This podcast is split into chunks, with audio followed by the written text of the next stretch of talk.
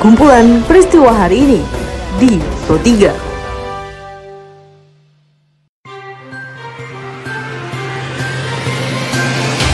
Halo pendengar, selamat berjumpa kembali di podcast Pro 3 RRI dengan kumpulan peristiwa yang terjadi pada hari ini. Seperti biasa, pendengar pada podcast ini saya akan mengulas isu-isu aktual yang saat ini masih hangat dan juga ramai diperbincangkan di sekitar kita.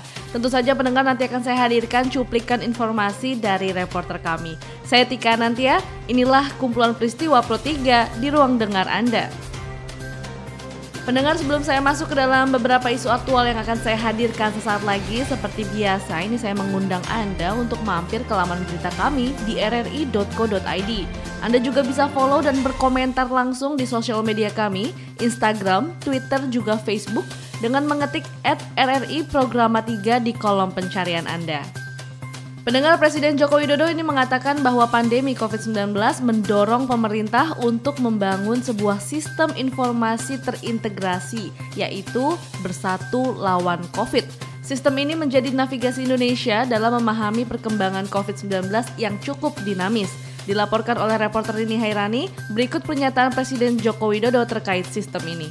Pandemi ini juga mendorong kita untuk membangun sebuah sistem informasi yang terintegrasi kita sudah punya yang namanya Bersatu Lawan COVID, BLC, dan sistem ini menjadi navigasi negara kita Indonesia dalam memahami perkembangan COVID-19 yang sangat dinamis setiap harinya, setiap minggunya, setiap bulannya. Dan melalui sistem ini kita bisa menentukan zonasi tingkat penularan COVID. Dengan sistem ini juga kita bisa mengetahui berapa kabupaten, berapa kota, berapa provinsi yang berubah statusnya. Dari hijau menjadi kuning, dari hijau menjadi oranye, dari hijau menjadi merah, atau sebaliknya berubah dari merah menjadi oranye, dari merah menjadi kuning, dan dari merah menjadi hijau. Dan saya sangat mengapresiasi gubernur, bupati, wali kota, satuan tugas di daerah yang telah berhasil menekan kasus di daerahnya, menekan angka kematian di daerahnya. Pemerintah DKI Jakarta ini mendengar memenangkan gugatan pencabutan izin reklamasi Pulau H, Teluk Jakarta, Jakarta Utara. Saat diwawancarai oleh reporter kami Noviana Gebi, Gubernur Anies mengatakan bahwa jalur hukum yang ditempuhnya sudah benar. Ya alhamdulillah, udah bener berarti kita. Udah bener dan kita maju terus, kita apresiasi putusan MA dan ini sejalan dengan kebijakan kita. Insya Allah nanti yang lain-lain yang sedang dalam proses juga insya Allah bisa dimenangkan juga.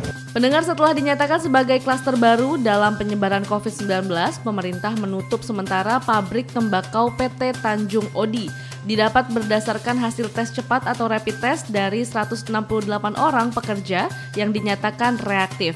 Dikabarkan oleh reporter Supriyadi bahwa Bupati Sumeneb Busro Karim menjelaskan aktivitas produksi PT Tanjung Odi dihentikan selama 14 hari ke depan perusahaan Tanjung Odi ini selama 14 hari sementara kita tutup.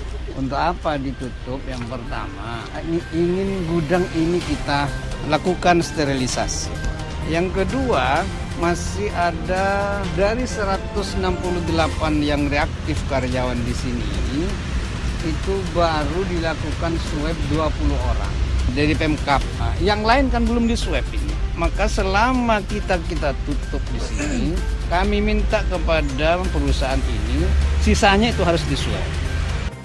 Pendengar rancangan Undang-Undang Haluan Ideologi Pancasila atau RUU HIP ini dikecam keras oleh beberapa ormas seperti FPI, PA212, Pemuda Pancasila dan diliput oleh reporter Rizky Supermana bahwa koordinator aksi FPI Hanif Munir saat orasi menyoroti poin Ekasila dan Trisila di dalam RUU HIP yang dinilai bertentangan dengan Pancasila. Apa yang dikatakan ketuhanan yang berkebudayaan dan disimpan paling belakang bukan apa yang dihasilkan yang saat ini saudara-saudara.